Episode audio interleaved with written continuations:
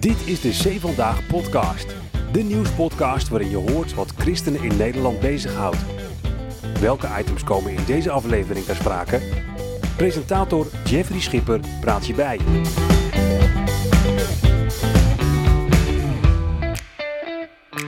Het christelijke landschap is veelkleurig. We hebben de reformatorische, we hebben ook de evangelische. En over die groep gaan wij doorpraten. Met Andries Knevel, programmamaker, theoloog, nog veel meer. En Menno Hansen. Eh, ik zou jou bijna een deskundige op dit gebied willen noemen met je afstudeerscriptie als HBO-theoloog. Uh, met jullie gaan wij deze podcast maken. Ongeveer een maandje nadat we een podcast over de Revozuil hebben gemaakt. Die wordt beïnvloed door de evangelische beweging. En omdat dat zo'n interessante ontwikkeling is, moeten we het ook over die evangelische hebben, wat mij betreft, uh, jongens.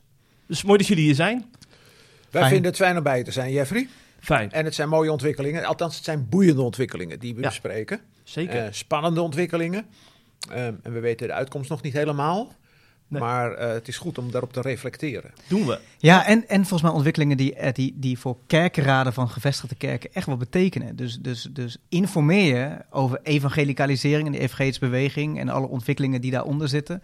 Uh, zodat je ook kan acteren daarop. Mm -hmm. Voor jou trouwens een thuiswedstrijd, Menno. Want we zitten in het gebouw van de PKN, dienstencentrum. Wat doe je hier voor de mensen die jou niet kennen? Ja, ik werk bij de Protestantse Kerk in Nederland. En uh, daar bezoek ik uh, vanuit die hoedanigheid diaconieën onder andere om hen te ondersteunen rondom zending, werelddielkenaat, binnenlands dielkenaat. Ontzettend mooie job. En we zoeken nog collega's. Dus. Ja. Nou, Andries heeft wat meer tijd tegenwoordig. Niet meer bij de EO. ja, nee, Welkom, ja, maar ja, ja, ik, ben, um, ik ben 70. Dus um, ik zag overigens vorige week nog een, twee of drie advertenties langskomen. waarvan ik dacht, nou, als ik jonger was geweest. Dus ja, dat gevoel krijg je nu een beetje. Ja. En er zijn op dit moment heel veel mooie functies in uh, Christelijk Nederland uh, vakant. Althans, ik vind ze mooi. Ik ga ze ook niet noemen mm. nu. Maar dus ja, uh, te kust en te keur. Het is toch een luxe om in het koninkrijk te mogen werken en daar ook nog voor betaald te krijgen. Ik, precies, ja. ja. ja. nee, dat is zo. Dus, ja. We blijven even Mooi. bij jullie persoonlijk, want we gaan Mooi natuurlijk werk. dadelijk uh, het werk. kerkelijke landschap verkennen. Uh, maar jullie hebben natuurlijk ook wel heel wat uh, raakvlakken met de evangelische beweging. Ik begin even bij jou, Menno. jij bent een revo-jongen van oorsprong. Ja. Dus dan verwacht je niet zo snel dat je ook een beetje evangelicaal gedachtegoed hebt. Maar dat heeft zich ontwikkeld bij jou in de loop der jaren. Ja, dat, dat, dat, dat overkomt je. Dat, dat is uh, haast ook niet te vermijden. Uh, uh, omdat het zo aanwezig is ook in christelijk Nederland, in de muziekcultuur, in ja. van alles en nog wat. maar ik ben inderdaad een reformatorische jongen van oorsprong. En ik, ik, ik, ergens vind ik het mooi om mezelf ook nog steeds zo wel te noemen. Omdat die, die wortels, die reformatorische wortels, die zitten in mij en die koester ik ergens ook. Dat zijn, uh, dat zijn volgens mij goede, gezonde dat wortels. Dat zijn zeer gezonde wortels. Ja, ja daar heb ik uh, dit najaar wat over geschreven. Over de zegen van de Revo-zuil en die Revo-wereld. Dus dat zijn inderdaad gezonde wortels. Ja, goed. Ik beaam ik u. bij ja, deze. Ja. ja. uh, maar later wel de jonge keuze gemaakt vanuit mezelf om richting een gifmiddenbond gemeente binnen de protestantse kerk te gaan.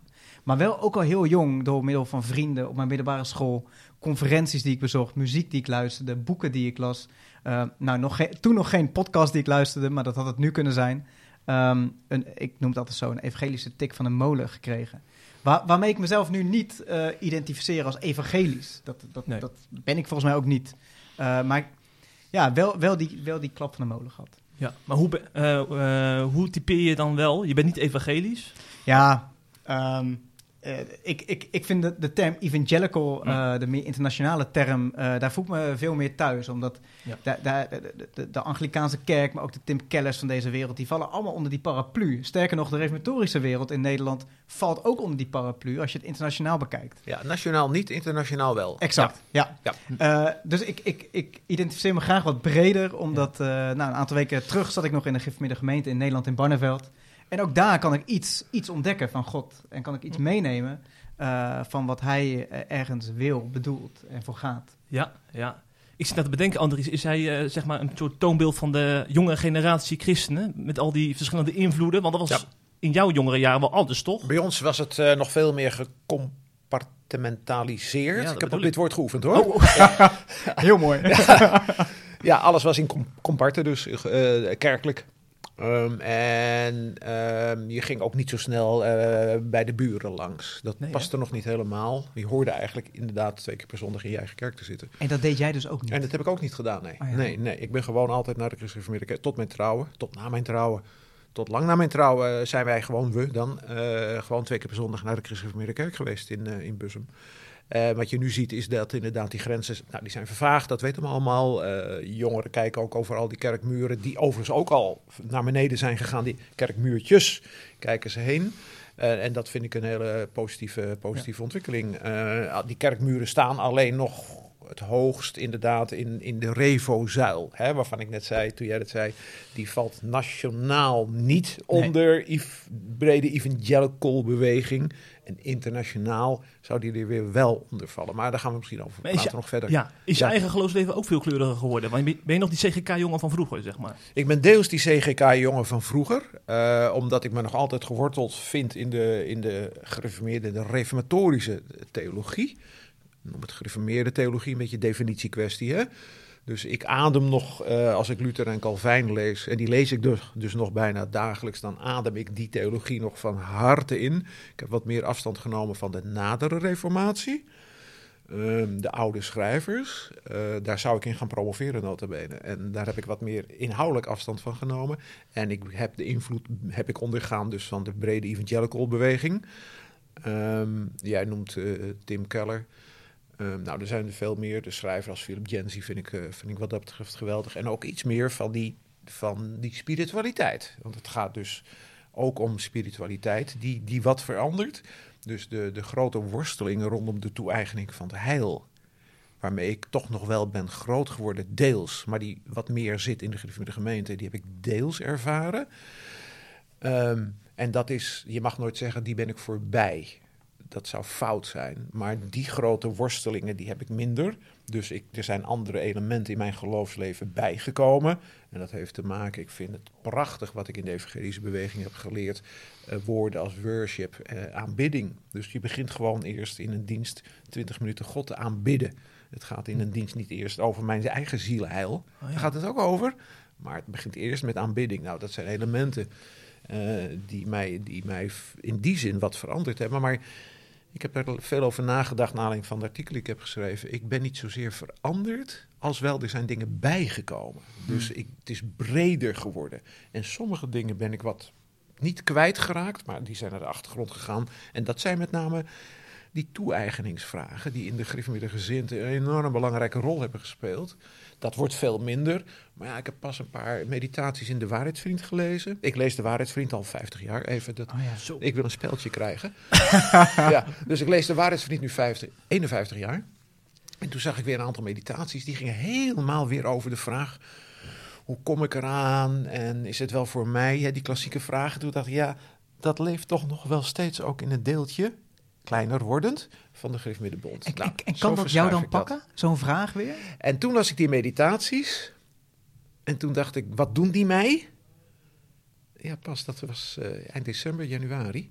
En toen dacht ik, nee, dit ben ik voorbij. Ja, ja. Uh, en dat zeg ik niet hoogmoedig, want je mag nooit voorbij gaan aan de vraag hoe dat heil bij jou plek krijgt in je leven. Dus het is nooit een gepasseerd station. Maar de wijze waarop toen in de Waarheidsvriend erover werd geschreven, dacht ik, dit ben ik niet meer. Nee, nee, nee dit nee. is voorbij.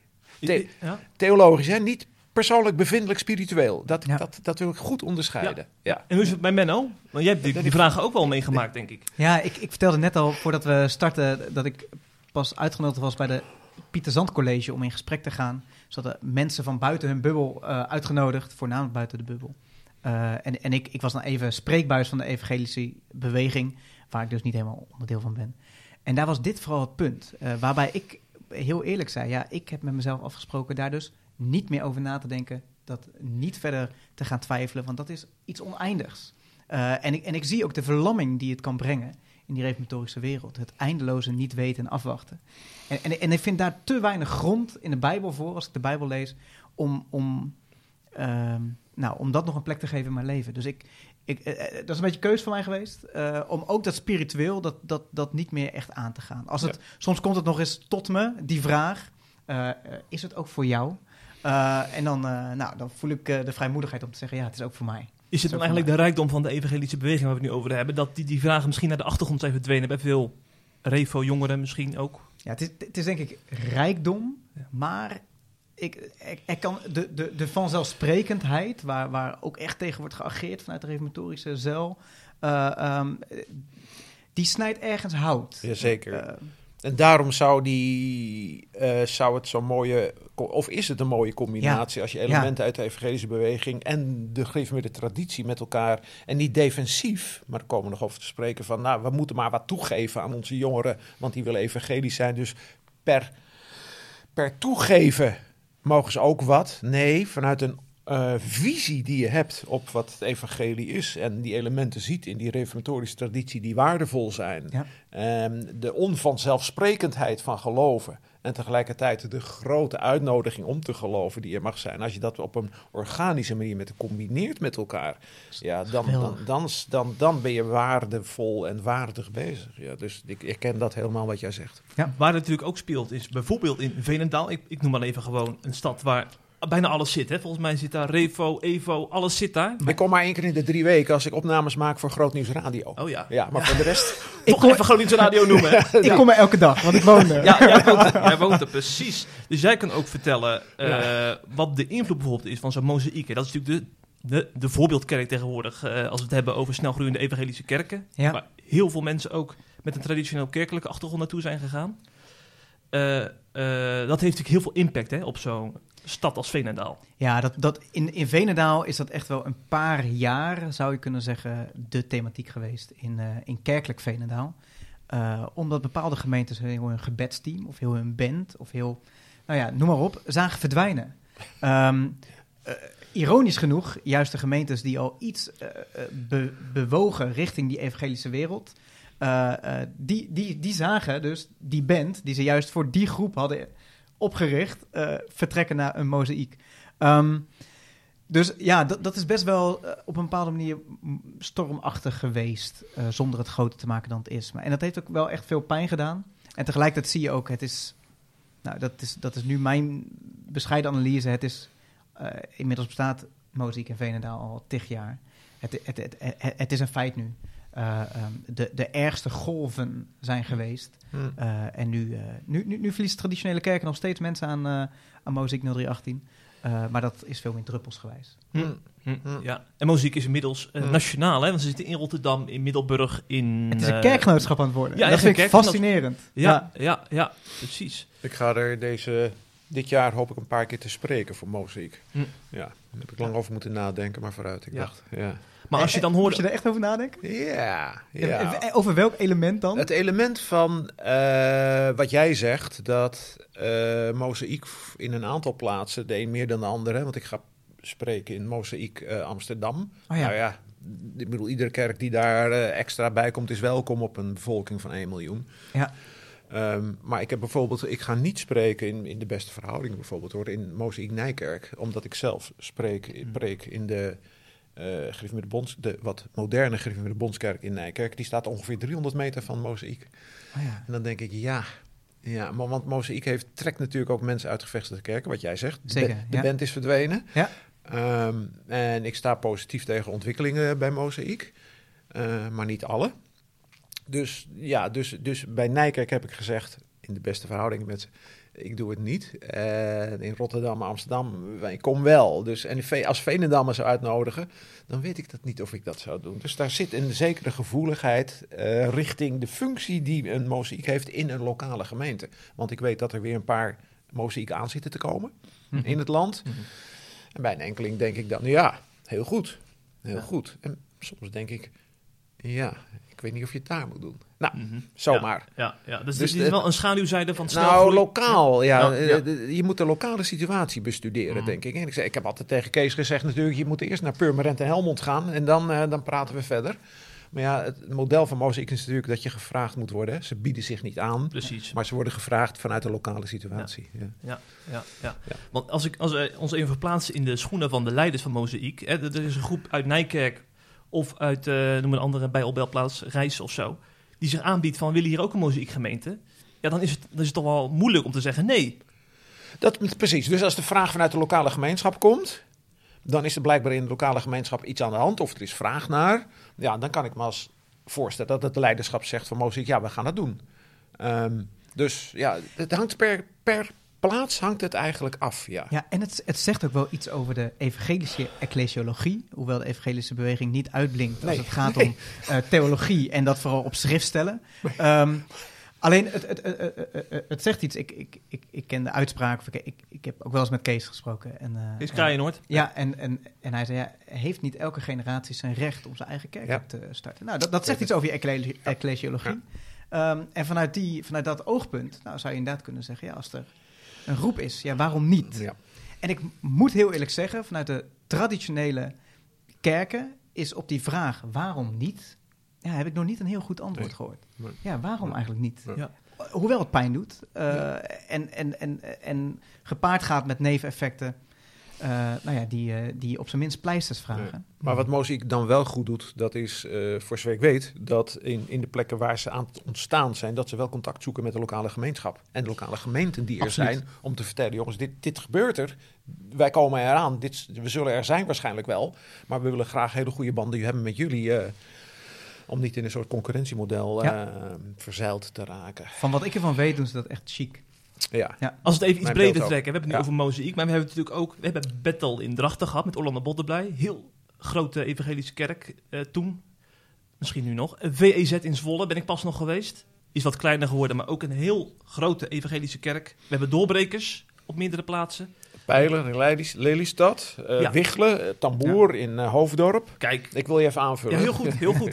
maar denk, wat, wat doen die kerken allemaal goed? Want het is daar zo druk. Parkeerwachten zie ik staan. Uh, Lijkt, lijkt wel een stadion af en toe. Ja, al kun je die vraag ook andersom stellen als je naar Barneveld gaat en de mhm. twee uh, grote megakerken Dat is waar. Zitten. gemeente in Nederland bijvoorbeeld. Nog en de stadion. Dat is ja. een stadion. Dat is klonteren. Je hebt, je hebt het verschijnsel klonteren. Dat heb je in de gemeenten, gemeente in Nederland. Doordat er scholen zijn in uh, Amersfoort, nou ja, de Veluwe. En mensen trekken naar, zoals vroeger, de vrijgemaakte naar Groningen, Zwolle, uh, Rotterdam de vrijgemaakte scholen ging Amersfoort, die vier. Groningen, Zwolle, Amersfoort en Rotterdam. Trokken vrijgemaakte naar die steden, dorpen en gingen daar een gemeenschap vormen vanwege de school. Dat zie je dus ook in de gemeente, gemeente in Nederland. Men klontert, vandaar dat op Heusden ook zo'n hele grote gemeente in Nederland is. Dus je hebt enerzijds sociologisch het verschijnsel klonteren. En bij die grote evangelische gemeenten heb je veel meer het verschijnsel streekgemeente. Men komt vanuit verschillende plaatsen, komt men naar één zo'n evangelische gemeente. Dit zijn dan de klassieken die je noemde. Mhm. Deze bestaan eigenlijk al jaren. Want ik was, een paar weken geleden was ik in Drachten, mocht ik preken daar in de Bettel. Ja, die bestaat er al een jaar of dertig. Uh, ik was in de Pijler in Lelystad. Dus dat zijn wat meer de klassieke evangelische gemeenten hebben ook een andere uitstraling overigens dan de muziekgemeentes hoor. die kan je niet bij elkaar met elkaar vergelijken. Dus je hebt het verschijnsel klonteren in de gemeentes en je hebt het verschijnsel streekgemeentes in de, evangelische beweging. Hmm. Ja. Help ik je maar even. Ja, heel goed. Heel goed. Daar zit je hier ook voor, hè? Dat is waar. maar jij, jij ziet ook heel wat vrienden toch uh, naar dat soort gemeenten vertrekken. Ja. En wat is dan vaak een beweegreden dan? Ja, die, die, die is verschillend. Uh, um, ik denk de aantrekkingskracht van evangelische gemeenten in het algemeen, dat kan gaan uh, ouders die voor hun kinderen daar naartoe trekken. deels stiekem heel vaak ook voor zichzelf. Maar de kinderen zijn het beste excuus. Um, en, ik, en ik denk als het gaat om, om mijn generatie, eind de twintig, dat zijn mijn vrienden ook, dan, dan is het toch de zoektocht naar een kerk die past bij je leven. Dus die ergens aansluit bij dat wat je ademt. En wij ademen, we zijn opgegroeid in een belevingscultuur. Waarin beleven en ervaren van God. En, uh, en, en, en, en, we zijn opgegroeid in een YouTube-cultuur. Waar, waarin de generaties onder ons, de TikTok en de Instagram al. Dus, dus we zijn ook veel meer gewend aan visuele aspecten. Dingen die ontbreken natuurlijk in de wat meer traditionele aspecten. Dus het, het hele lijf doet mee uh, in de worship, in ehm, de manier van spreken. Uh, maar ook in, in het welkom worden geheten en het bakje koffie. Ja, alles doet mee. En ik denk dat dat. Nou, de aantrekkingskracht zit in heel veel dingen. Ook in, in, in de praktische prediking. En er is een hele lijst te noemen. Maar nou ja, als ik kijk naar de mensen om mij heen. dan zijn dat denk ik. dan is de bottom line. zoeken naar een plek. waar je God kan dienen. die past bij je leven, bij de tijd, bij nou, wat je ademt. Ja. Dit gaat veel dieper dan veel mensen denken. Hè, goeie, want, ja, het is een goede analyse. Ja. heb ik weinig, ja. Er zijn ook heel wat vooroordelen, vind ik, over deze mensen. Alsof ze alleen maar voor een muziekbandje overstappen. Het, het is veel dieper dan dat, hè? Ja, het zit dus, ja, wat jij dus zegt uh, in van, van Kees weet ik dat dan. Het is uh, zorg van de ouders om de kinderen. Ja. Uh, dus als ze 10, 11, 12 zijn. Vroeger zeiden we ze haken af als ze 14 zijn, maar die leeftijd is naar beneden gegaan al. Innerlijk afhaken. Mm. Dus de zorg van de ouders om hun kinderen. Een ja. fijne plek voor hun kinderen nog. En tegelijkertijd denken die ouders mooi zo, dan kunnen we mee. Dus daar heb je helemaal gelijk. ja. ja. Dus ja. Aan de andere kant denk ik ook van die gemeenten waar ze dan vertrekken, denk ik, daar kunnen zij toch ook. Er zijn ook heel veel traditioneel kerkelijke gemeenten die toch ook evangelicalen zijn geworden in een theologie. Dat ze daar niet hun plek Absoluut. kunnen vinden. Dat vind ik wel eens een lastige. Nee, ik woon bij de Nieuwe Kerk van Huizen. Mhm. Eh, die 50 meter van mijn achtertuin is de Nieuwe Kerk van Huizen. En die doen allerlei dingen. Ehm, daar, daar is een band in de kerk. Die hebben overigens ook de vrouw in het ambt binnen de de Bond. Nou, zal dat de bloeddruk van veel jongeren niet zo erg verhogen. Ik geloof niet dat dat een, een item is uh, wat de bloeddruk van jongeren verhoogt. Maar die doen dus inderdaad een aantal dingen in, in het welkom. Dus een aantal van dat lijstje wat jij noemde. Ja, uh, wat een evangelische dienst uh, aantrekkelijk maakt, dat probeert zo'n kerk ook te doen. En daar spelen de grote vragen rondom de toe-eigening van het heil in de prediking ook een veel mindere rol dan vroeger ook in de Gereformeerde Bond. Dus je ziet inderdaad gemeentes, en er zijn er veel meer, die dus inderdaad proberen maar het moet niet vanuit defensief zijn. Hè? Het moet niet, we gaan uh, iets toegeven, want dan, dan red je het niet. Uh, want als je iets toegeeft, dan moet je daarna weer wat toegeven, weer wat toe. Het moet vanuit een visie gebeuren. En niet van uh, per, per concessie. Het moet, oude hervormde term, het moet per confessie gaan en niet per concessie. Confessie, dat haak ik, haak ik af voor Andries. Niet, dat is een moeilijke. Prachtig, ik vind het prachtig. Ja. maar het is goed dat je me even om uitleg vraagt. Ja. Het is niet per confessie van... Uh, het moet, het moet eh, per confessie, we beleiden dat het nu zo moet gaan. En niet mm. per concessie, we vinden het akelig. Maar goed, we moeten maar wat toegeven. Mm. Dan red je het niet. Ja, dat is een heel verschil, ja. ja. En, en ik moet ook zeggen, toen ik, eh, het is inmiddels wel echt een aantal jaren geleden, en ik ben helemaal niet meer zo expert uh, als ik het ooit al geweest ben, maar in mijn, in mijn onderzoek was dat ook de oproep aan de hervormde gemeente van Venendaal.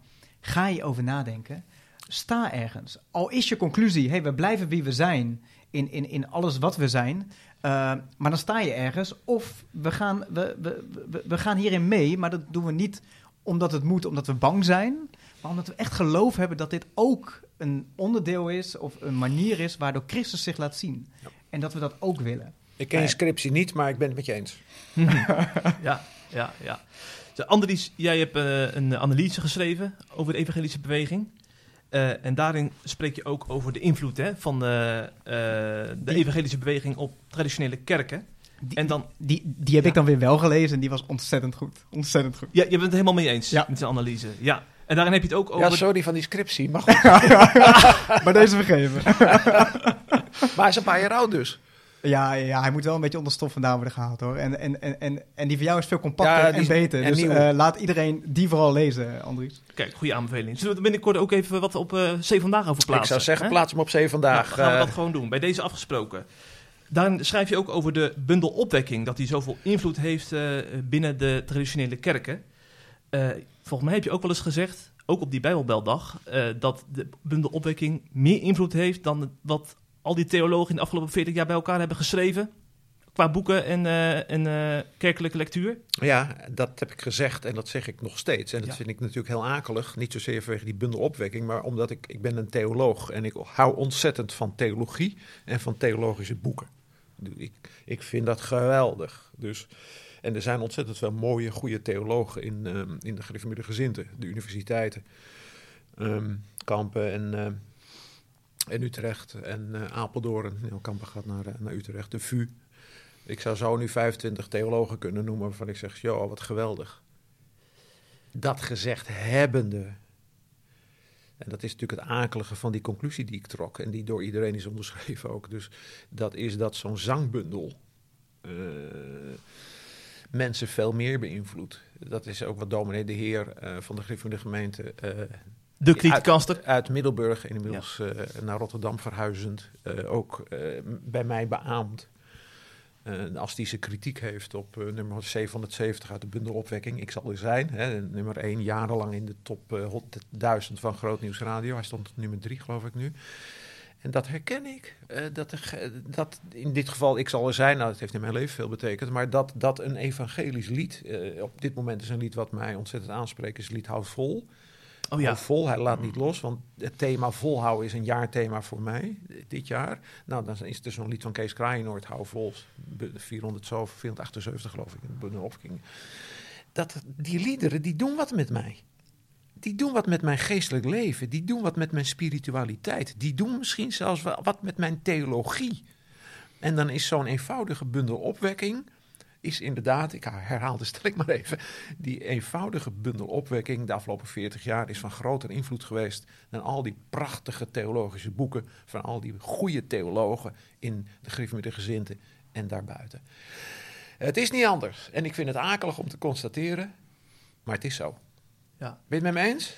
Ja, absoluut. Maar ik vind het interessant dat jij zegt, ik vind het akelig om te constateren. want, want ben je niet zo blij met de uitkomst? Of had je liever toch eh, dat die theologische boeken dit hadden? Uh... Ja, ja, ik vind het een goede vraag, dankjewel. Ik ben blij met de uitkomst. Ik ben blij dat er een, in zekere zin een wat ander theologisch, spiritueel klimaat is ontstaan. Ja. Maar ik vind het zo zonde wat al die jongens en meisjes aan het doen zijn in, in hun studie. Ik vind dat zo zonde. Al die, al die mooie dissertaties die er verschijnen. En die ik zo belangrijk vind. Maar van ik denk, ja, er verschijnen er. Je moet promoveren. Er moeten theologen zijn. Alsjeblieft. Maar zoveel werk met zo weinig impact. Hoewel de invloed van theologie is natuurlijk over generaties. En de invloed van een liedje kan zomaar weer weg zijn. Nummer 181 uit de bundelopwekking. Tien jaar geleden overal gezongen. Majesteit, grote is majesteit. Oh, met, met, ja, helemaal weg. Helemaal weg. Uh, dus, dus, dus ze zijn ook vluchtig. Ja. Oh, ja. Um, ze zijn heel vluchtig. Maar ze hebben wel, op het moment dat ze er zijn, hebben ze veel impact. En ja, de invloed van theologie is veel langjariger. Hoewel ik me afvraag op dit moment wat nou theologische onderwerpen zijn waarvan ik denk, ik zie er wel een paar, ehm, die gaan invloed hebben op ons de komende decennia. Nou, dit is even de verklaring. En dominee de Heer heeft voorkomen gelijk als hij hier tegen waarschuwt vanuit zijn perspectief. Ja, over dominee de Heer gesproken, uh, want wij kennen hem inderdaad als criticaster hè, van de evangelische beweging van de bundel Opwekking. We hebben ook een uh, interviewserie met hem gedaan. En dan denk ik, ik, heb, ik, ik, ik kan gewoon niet helemaal goed begrijpen, die man, van het is toch heel, heel veel wat erin staat aanvullend op wat er al is ontdekt in die uh, Revo-theologie. maar hij ziet het echt als twee tegenpolen. De opwekking, opwekkingbundel en al die kerkelijke bundels die we al kennen. Snap jij dat nou eigenlijk? Ehm, ja, ik, ik, uh, ik, ik, snap in mijn hoofd. Ehm, maar mijn hart, mijn hart staat daar anders in. omdat ik het wel als verrijkend ervaar. Ehm, maar ik, ik, ik, ik snap het, omdat het in de praktijk, en dat zien we denk ik om ons heen, wel zo werkt. Uh, dat, dat die bundel niet onschuldig is. Um, uh, dat, dat de Hillsong-nummers uh, niet ah, onschuldig zijn. Dat uh, naar een uh, evangelische conferentie zijn, is niet onschuldig. Het verschuift andere liederen naar de achtergrond. Ja, en dat gaat uit van een voorondersteld, zegt hij, en bij met name de lage nummers van opwekking zie je het, voorondersteld geloof. Terwijl in zijn theologie het geloof, moet ik voorzichtig formuleren hoor, en eh, ik moet me recht doen, maar het geloof toch wel iets wel heel bijzonders is, wat voor niet zo gek veel mensen is weggelegd. En de bundelopwekking draait het precies, precies om.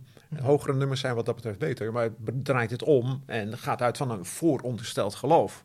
Dus daar zit theologisch een enorm verschil. Mm. Ja. Dus hij heeft wel een punt in die zin. Zeker, vanuit zijn perspectief mm. heeft hij een punt. Ik bedoel, hij heeft ook mijn uitspraak in zijn dissertatie aangehaald. Met met veel waardering. Nou, dat wil wat zeggen. Ja. ja. En, en, en tegelijkertijd is dit ook de aantrekkingskracht van zo'n opwekkingsbundel... of dit type liederen voor reformatorische christenen... is omdat daar eigenlijk wel die zekerheid... en, en eigenlijk, eigenlijk een soort warm bad is. Ja. Uh, uh, weg van de twijfel, maar je, je bent gered. Uh, je mag er zijn. Gods oog rust op je. Nou, die, die woorden, dat zijn schaarse woorden in die wereld, die, die kunnen als een oase zijn. En het bijzondere is dat die, wat je nu zegt, die spiritualiteit van de bundel opwekking, die zat al in de bundel Johannes de Heer. Um, ik maak het programma op Groot Nieuws Radio Goede Zondag. Dus daar zitten ook veel klassieke gezangen in. Veel Johannes de Heer. En dit is mij de afgelopen jaren weer opgevallen. Ook toen ik dit programma nog bij de EO deed. Hoeveel van die spiritualiteit, maar dan in hele ouderwetse woorden. Ja. Welke vriend is onze Jezus en noem maar op. Ik zie een poort wijd openstaan. Dat is trouwens een gezang. dat die spiritualiteit van meer zekerheid, die zat al lang in die oude klassieke gezangen. De bundel 1938, bundel Johannes de Heer. Dus opwekking is een verbijzondering. Hmm van de klassieke gezangcultuur die er al in de reformatorische gezinten was. Ja. ja. Even los van al het zingen, we zijn nu een beetje uitgezongen, want er zijn meer thema's hè, waarbij de invloed zichtbaar is van... Ja, eh, maar zingen is twee keer bidden, zegt Luther. Ja, dat is waar. Dat is waar. Oh, ja, dat ja. we niet onderschatten. Nee. Nee, zeker, daar heb je gelijk in. Nee, en de Bond was altijd bang voor gezangen, want door de gezangen kwam de verkeerde theologie de kerk in. Mm. Daarom waren ze tegen de gezangen. Dus wat we doen is niet onbelangrijk, nee, zeker weten, zeker weten. Oh. Ja. Maar men heeft meer gezegd... vermanend, uh, goed. Ja, Men heeft meer gezegd in het verleden hier hij heeft ook gezegd uh, dat er in traditionele kerken meer ruimte is gekomen voor gebedsgroepen, gebedsgenezing, ziekenzalving. Dat dat is toegenomen.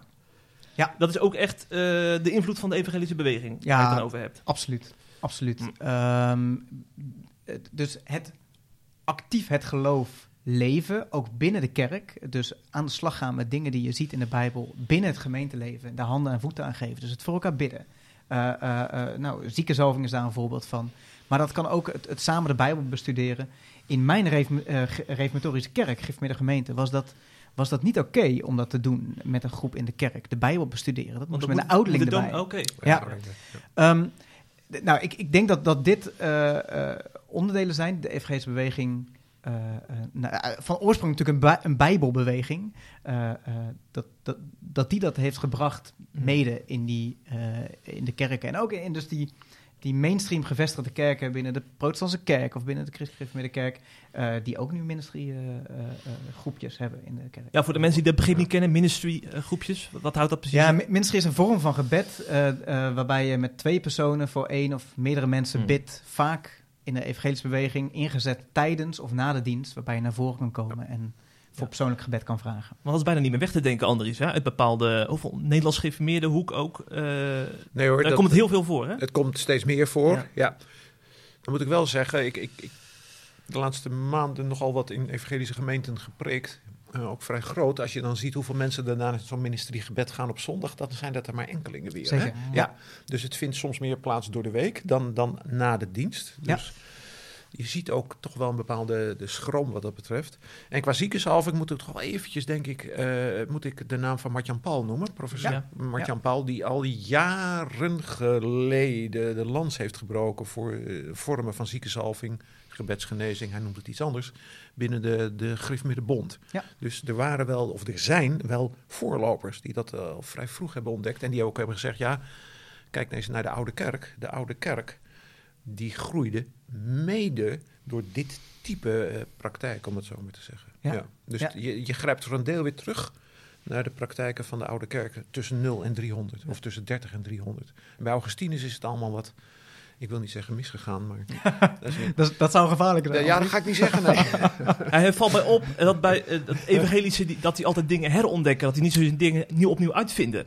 En dat het is ondergesneeuwd in de kerkgeschiedenis. Dat nu weer opnieuw boven water komt, lijkt het wel. Ja, ik wil je niet veel eer geven, maar op sommige, onderwer sommige onderwerpen wel, wel ja. Ja? Ja? ja.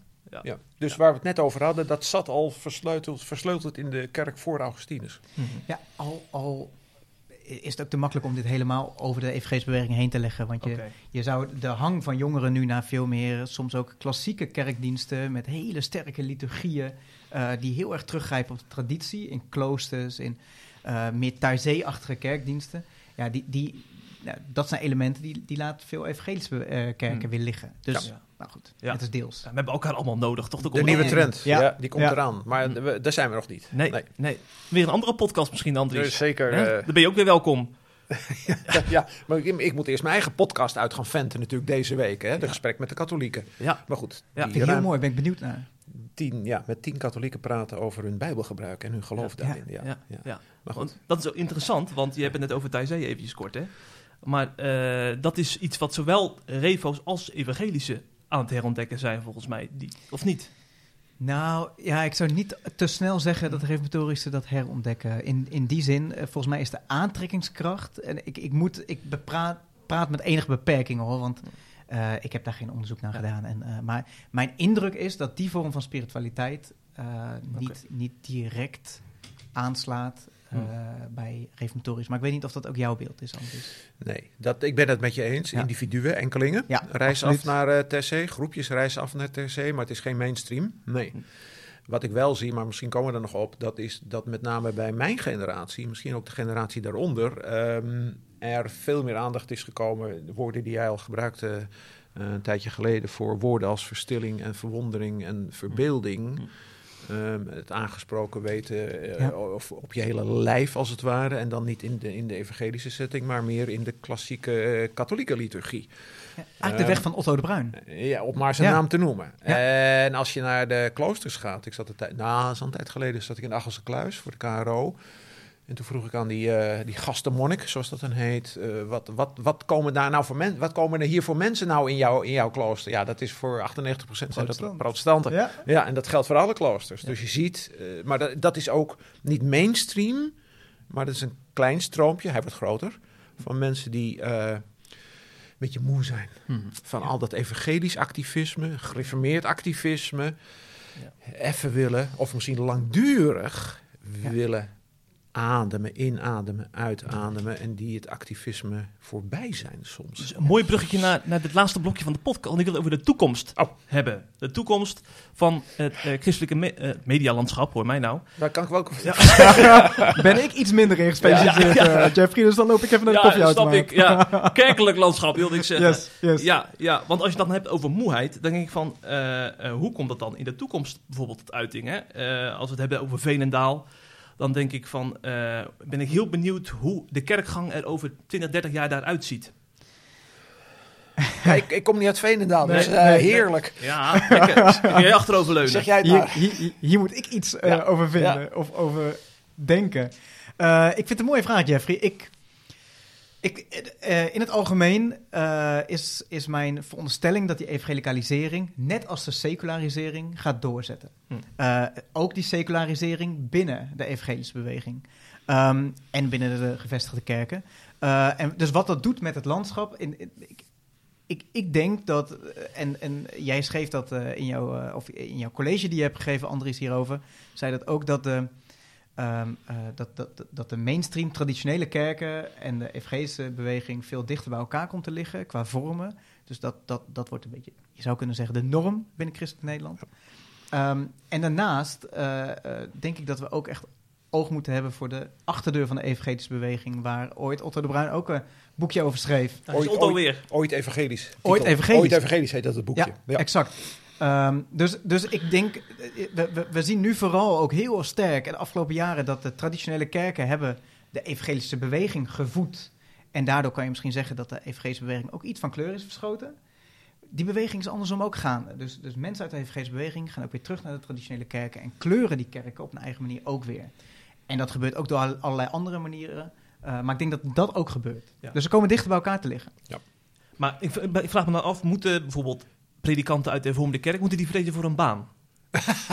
nou, nee, want de, de, de, nee, er is een tekort. Er is een tekort, dus uh, nee. Ja, dus, nee, dat, ja dat ja. is waar. Ja. Nee, ik vul nog even aan op wat jij zegt. Ik ben het helemaal met je eens. Maar um, dat is natuurlijk mijn stokpaardje de laatste maanden. De Revo-zuil zal blijven. Absoluut. De Revo-zuil heeft door de interne disciplinering, en daar kan je heel verhaal over houden, maar dat is een andere podcast, mm -hmm. heeft, heeft nog zoveel kracht in zich. Ja. Ja. Dat die Revozaal blijft. Er zullen telkens mensen uit de Revozaal weggaan. Alleen die gaan naar de PKN. En het overgrote deel voedt de PKN daar ook, uh, daar ook in. Dus beide ontwikkelingen die jij ziet rondom secularisatie, en die zie ik, en die zie ik in sterke mate. Ja. Um, in alle gemeentes waar ik nu preek, maar dat heeft hopelijk met corona te maken. In alle gemeentes waar ik preek is het min 10, min 20 procent qua kerkgang. Ja, nou, betekent, fors, hoor. betekent niet meteen geloofsafval, maar ja, het is geen positief teken. Um, dus die secularisatie die zie ik heel hard doorgaan. Vandaar mijn jaarthema ook, hou vol, volharding. En die wisselwerking evangelisch, uh, die evangelisch en niet reformatorisch, maar gereformeerd protestants, ja. die, die gaat ook door. En dat betekent dus dat je een sterke revozuil houdt. Je houdt een sterke evangelische beweging, maar ik denk dat de groei daar wel uit is inmiddels, omdat die voeding steeds minder wordt ja. vanuit. En Stefan Paas heeft geanalyseerd de afgelopen weken dat het overgrote deel van de groei van de evangelische beweging is te danken aan het feit dat mensen uit de protestantse kerken ja. overstappen naar. De evangelische beweging heeft zelf helemaal niet zoveel aantrekkingskracht op de buitenstaanders. Ook iets wat Kees Kraaienoord best erkent hoor. Dus ja. uh, er is geen halleluja-beweging wat dat betreft. Ja? Nee, altijd nog steeds meer aantrekkingskracht dan een gemiddelde traditionele kerk. Altijd, want maar die goed. heeft op een enkel individu ja. na nauwelijks aantrekkingskracht. Wat dat betreft alle lof voor de evangelische beweging. Dus je, je ziet ook een evangelische beweging en je ziet daar tussenin een groep uh, aarzelen. Dat is de, groep, de middengroep binnen de de Bond en een deeltje ook van de Christelijke Middenkerken. Op zoek naar een eigen identiteit. Ja. Waar ergens moeten wij onze identiteit aan ontlenen? En wat is onze identiteit als je die bewegingen om ons heen ziet gebeuren? Maar als ik het dan zo goed begrijp, wordt het dan gewoon een kwestie van rondpompen van heiligen dan de komende decennia? Nou, de, de, de, de, de, kerkelijke mobiliteit, en dat is volgens mij onderdeel van een generatie ook, die veel makkelijker hopt. En hopt vind ik eigenlijk een negatieve, dat heeft een hele negatieve connotatie, maar volgens mij is het gewoon een feit dat, dat die oude gedachte, je bent ergens geplaatst, en dat geplaatst zijn, dat betekent dat je voor het leven ergens bij een genootschap bent geplaatst. Dat is een achterhaald idee. En de vraag is hoe sterk die theologische wortels daarvan ook zijn. Dus, hm. uh, maar dat is klaar. Uh, Hoewel dus ik waar wel heim... Ik ben met je eens, maar ik heb wel heim... Ik, ik preek regelmatig in het, het land van Heus, Heusden en Altena. En daar loopt mm -hmm. een N-weg doorheen. En dan ben ik op weg naar het eind. Genderen of Wijk. Uh, en dan rijd ik over die N-weg. Uh, s morgens vroeg. En dan zie ik links en rechts allemaal kerktorens. Oh ja. Um, van al die plaatsjes waar niemand ooit van heeft gehoord. Babylonië, Broek en ja. Meeuwen en meer van dat eten en drongen. Nou, noem maar op.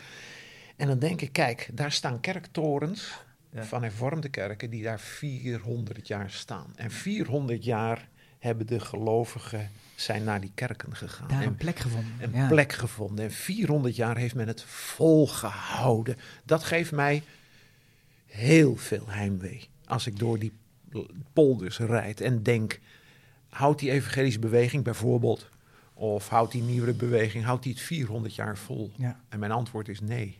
Nee. Mijn antwoord is nee. Nou, ja. Eh, hier kom je wel tegelijk bij mijn droom, uh, Ah. Ik, ik, kom van mijn werk ook in heel veel kleine kerken. Ja, en, uh, ja. uh, ik kom uit Veenendaal, dus ik was het helemaal niet zo gewend dat kerken ook heel klein konden zijn. En dat je met 30 bij elkaar kunt zitten op een zondag. En that's it. Um, en mijn droom is eigenlijk dat een soort revi revitaliseringsbeweging ontstaat. Of die nou evangelisch gekleurd is of traditioneel, maakt me allemaal niet zoveel uit. Maar dat in al die kleine kerkjes, die, die gebouwen van God, uh, zou je die al, al, al nou, soms eeuwenlang zo gewijd zijn, dat er kleine gemeenschapjes zijn die leven van de genade van Christus. Dat, dat is wat ik droom. Dat, dat, dat in al die kleine dorpjes er actieve, uh, levende gemeenschappen zijn. Um, deels misschien los van de traditie, in de zin van samenkomen op de manier zoals het altijd al is gegaan. Uh, en, en, soms nog helemaal in die traditie, dat maakt op zich niet zo uit, maar uh, nou, stiekem hoop ik dat, dat, nou, dat, dat hoop ik. Mooie droom. Ik droom hem, ik droom hem zelfs autorijdend. Droom ik hem. Ja, ik ja, moet oppassen. Ja, daarom voel ik hem ook. Echt, ja, helemaal. Ja. Mag ik nog een droom delen, nu toch een droom is? Ja. Mijn droom is dat we over 20, 30 jaar niet meer zoveel modder gooien over discussie volwassen doop, kinderdoop onderling. Doen we al niet meer. Nee, nee dat doen we al niet die, meer. Die, die, droom is uitgekomen, nu al. Ja, ja mijn generatie. De, nou, de, de, pijn is nog steeds voelbaar, vind ik. Veertigers, vijftigers, zestigers. Ik, ik ben zeventiger. En je voelt hem niet meer, die pijn? Nee. Dat vind ik wel mooi dat dat weg nee. is. Nou, nee, echt. Dat, dat, dat ligt het misschien aan mijn schoonouders. En, maar goed, die, die, die, heb ik niet meer. Okay. Maar uh, nee, ik herken dit niet. Oké. Okay. Nee. Oké. Okay. Nou, nou. Ja, ik wel deels. Een, ja? een, een, een goede vriend van mij, uh, hele goede vriend, die uh, liet zich een tijdje geleden samen met zijn vrouw dopen. Overdopen, uh, voor de tweede dus. keer. Overdopen, ja. ja. Groot doop, volwassen doop. En, dat, en dat, dat levert echt geen familiescheuring op. En, nee, dat maar, niet. maar, maar toen ik het thuis tegen mijn moeder vertelde, is haar eerste reactie wel, waarom toch? Waarom toch? Ik zou zeggen, wat heerlijk. Ja, maar dat, dat, dat is er Dus ergens voel ik hem wel, Jeffrey. En dat is, die waarom toch is vanuit liefde en echt wel begrijpen, maar ook een beetje vanuit... Nou, er zit ook wat pijn, dus... Uh, maar ik denk, grotendeels is je droom in vervulling gekomen. Jawel, dat, dat zie ik ook. Ja. Dat zie Bij ik mij ook, is ja. die compleet in vervulling. compleet, ik compleet. zie het niet meer, ik merk Ja. het niet meer, ik voel het niet meer. Ik ben met iedereen blij die zich laat overdopen. Of doop op geloof, moet Ja. je zeggen dan. Ja, Hè? ja, ja. Of, of kinderdoop, of dan moet je zeggen de babydoop, of de verbondsdoop. Ja, ja. Het is mij om het even. Maar is er Ja. wel, een, wel een muur in de plek gekomen als het gaat over hè, evangelische en, en traditionele kerken die, die botsen wel eens met elkaar? Hè? Is daarvoor een andere thema in de plek gekomen dan, waar, waar, je, die, waar je die botsing ziet onderling? Of is het echt alleen maar herkenning en eh, samen optrekken? En... Als je de Revo-zuil er weer even buiten laat, Ja. Dan zie ik, en eh, dat fluctueert nog heel sterk hoor, maar dan zie ik allerlei processen van herkenning. Mooi. Meer of minder. Ik bedoel, het conservatieve deel van de christelijke kerk, ja, die hangen een beetje in die Revo-zuil. Die zal een aantal ontwikkelingen heel akelig vinden. Ook wat ik zeg over de volwassen doop en de babydoop. Maar die bewegingen, die zijn wel gaande, ja. Sterker of minder sterk. Ik ken Veenendaal natuurlijk wat minder. Ik ken Huizen dan wat meer tegenwoordig, want ik woon sinds een paar jaar woon, woon ik in Huizen. En daar zie ik dat ook weer heel sterk gebeuren. Het hangt een beetje lokaal ook af. Ja, het hangt een beetje van de zandgrond of kleigrond af, heb ik altijd begrepen. Mensen op zandgrond die geloven weer anders dan mensen op de kleigrond. Mm. Maar ja, grosso modo zie ik die beweging wel. Al, al is er denk ik nog een, een splinter, nou, dat, dat zeg ik misschien goed. Er, er, er, eh, binnenkerkelijk Nederland zijn de vrijzinnigen, met de Revo zelf. Ja. De vrij- ook de vrijzinnigen hebben nog echt wel wat aversie tegen die evangelische beweging. Die vinden dat al snel plat, Oh ja. eh, intens plat. Eh, en, en, en ik denk dat als het daar, als je, eh, wa- wa- wat is dan het ding tussen evangelische en die vrijzinnige protestanten? Dan gaat het hier over de explicititeit waarover Ja. over God wordt gesproken en de platheid. Mm. Ja, dat wordt daar wel, eh, Hm. daar, daar, daar is veel afstand nog. Maar die zitten eigenlijk met alle waardering Ja. verder is- buiten mijn horizon. Oké. Ja. Ja. Ja. Ja, en, Ja. en ehm, nou ja, ze zijn vaak wel van jouw leeftijd, Andries. Sorry. maar dat, is, dat zijn de jongeren dan. ja. de vrijzinnigheid heeft geen kinderen en kleinkinderen, zeggen we altijd natuurlijk. Dat is ietsje denigrerend, maar ik denk Ja. wel, ja, ja, ja. Ja, nee, die ja. vrijzinnigheid heeft geen enkele toekomst. Ja. Ja. Nee, ja. maar goed, daar, daar denk ik al niet meer over. Ja, sorry, vrijzinnigen, maar daar denk ik al niet meer over na. Nee. Mm. Ja, nee, ja. Mm. Met alle waardering, dus ik eh, moet voorzichtig met Misschien een keer een podcastreeks met vrijzinnigen. zijn. eh, Met tien. Hey. Hoe, le ja, hoe lezen vrijzinnigen de Bijbel ja, en wat beleven zij? interessant. Ja, Mm. ik. Ik wil wel met je meedoen. maar jij bent niet vrijzinnig. ik ben niet Nee, vrijzinnig. precies. Nee, dat Ja. eventjes. Dat, Maar ik ben ook, ge- ook geïnteresseerd. kijk, En dan mag je nu nog één keer Groot Nieuws Radio noemen. Dan, dan is het drie keer. Dan is het... eh, mijn doel was inderdaad om hem drie keer tussendoor te frommelen. Ja, precies. Ja, Ja, ja. ik had je wel door hoor. Ja, nee. maar moet ik dan het programma noemen? Een, eh, een goede zondag? Iedere zondag om negen uur? Of moet ik dan noemen die podcast? Die Die, podcast. die nu draaiende Ja, is al, dat hè? is het meest actueel, ja. Ja. ja. Dus die is eind januari begonnen en die draait nu. Dat is een podcast met tien katholieken vanuit de vooronderstelling. Katholiek Nieuwsblad heeft mij gevraagd, en ik was columnist, die zegt... jullie protestanten denken dat wij de Bijbel niet lezen. Ik zeg, dat klopt, dat denken wij. Maar zou je nou eens vanuit die vooronderstelling... met tien prominente katholieken willen praten over hun Bijbel... vanuit jouw vooronderstelling, hè, mag je vragen...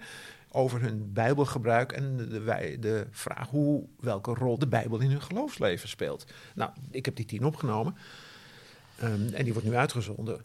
En dat zijn geweldige gesprekken, omdat Ja. er zit zo'n enorme spiritualiteit in die gesprekken. Dat heeft mij echt ehm, ten positieve zeer bemoedigd. Ja. Laat ik dat woord maar gebruiken. Ja. Ja. Menno, ga je hem luisteren? Ja, Zeg ik- nu maar nee, hè? ik zeg nu maar nee. Ja. Nee, ik ben, ik ben oprecht nieuwsgierig. Ja. Ik, ik kom met regelmaat in, eh, in kloosters. Regelmaat, ik probeer wel twee, drie keer per jaar naar een klooster te gaan. Eh, en eh, nou, dit is een van de dingen waar ik altijd wel nieuwsgierig naar ben. Omdat dat wel, het vooroordeel wat jij daarin eh, schetst, Ja. eh, die zit ook in mij. Ja, Ja. leuk. Ik heb nog een laatste nieuwtje, dan gaan we echt afsluiten. Ik ga bin- binnenkort op de koffie bij Kees Kraaienoord. De echte Kees Kraaienoord. Leuk. Ja, Ja. Dat, dat, dat dat mag. dat, dat mag. Dat ik dacht, ja, dat is wat. Ja. Ja, Dat jij dat... Zo. ja. Ja, nee, maar het is, het is Hey, wel... leuk Jeffrey, want eh, eh, als je kijkt naar de ontwikkelingen binnen christelijk Nederland van de afgelopen twintig jaar, is, is hij daarin, eh, nou denk iemand die eh, ontzettend veel heeft gebracht. Eh, En het is dan even aan ieder persoonlijk om dat eh, te, te, te duiden of dat positief of negatief is. Maar Hm. het is mooi om met hem eh, het gesprek te hebben, Jeffrey. Ja, ja, ja, Ja, mooi. zeker. Ja, en wat mij dan inderdaad eh, ten positieve en ten negatieve hoor, beide dan, eh, nou emotioneert is een groot woord, dat, dat, er in, dat er ook, ik kan zo vijf hele goede theologen zijn in Nederland, hè? die ook hele goede boeken schrijven. en, en ook van zijn Ja. generatie zijn. ja. Maar als je het dan over invloed hebt, Mm, dat je dan eerder naar Kees moet fietsen ja. ja, met zijn liedjes. met zijn liedjes, Ja, ja. dan, ja, dat is toch iets wel wat me bezighoudt. Ja, Ja, Ik vind dat je echt. schitterend opkomt voor de theologen Ja, en al hun werk. Ja. Ja, Eh, ik, ik bekijk het wat meer, meer programmatisch en ik Ja, denk, nee. wauw, wat, wat bijzonder, wat zo... En, en, en, en ergens, en dat, dat verraadt eh, in die zin mijn kleur, eh, ben ik hem heel dankbaar. Hm. Ook als ik kijk naar de levens in Venendaal, die ik persoonlijk ken, die zijn, ehm, eh, nou, die, die, die, die in zijn kerk, om maar even zijn kerk te noemen, dat is Mm. veel te groot om dat zo te noemen, maar eh, ten positieve zijn gekeerd. Nou, daar ben ik hem heel dankbaar voor. Ja, ja, Ja. mooie positieve afsluiting van deze podcast over de evangelische beweging. Bedankt voor jullie bijdrage, Andries en Menno. En eh, ik zou zeggen, maak er nog een hele mooie dag van. Jij Jij bij de Jeffrey. PKN en jij eh, in Huizen. Ik ga, weer, ik ga die theologen weer lezen. Ja, ja, ja, veel leesplezier zou ik zeggen. ja. Groeten. Hopelijk heb je genoten van deze C Vandaag podcast. Volgende week is er weer een nieuwe aflevering. En blijf via cvandaag.nl op de hoogte van het laatste nieuws uit Christelijk Nederland.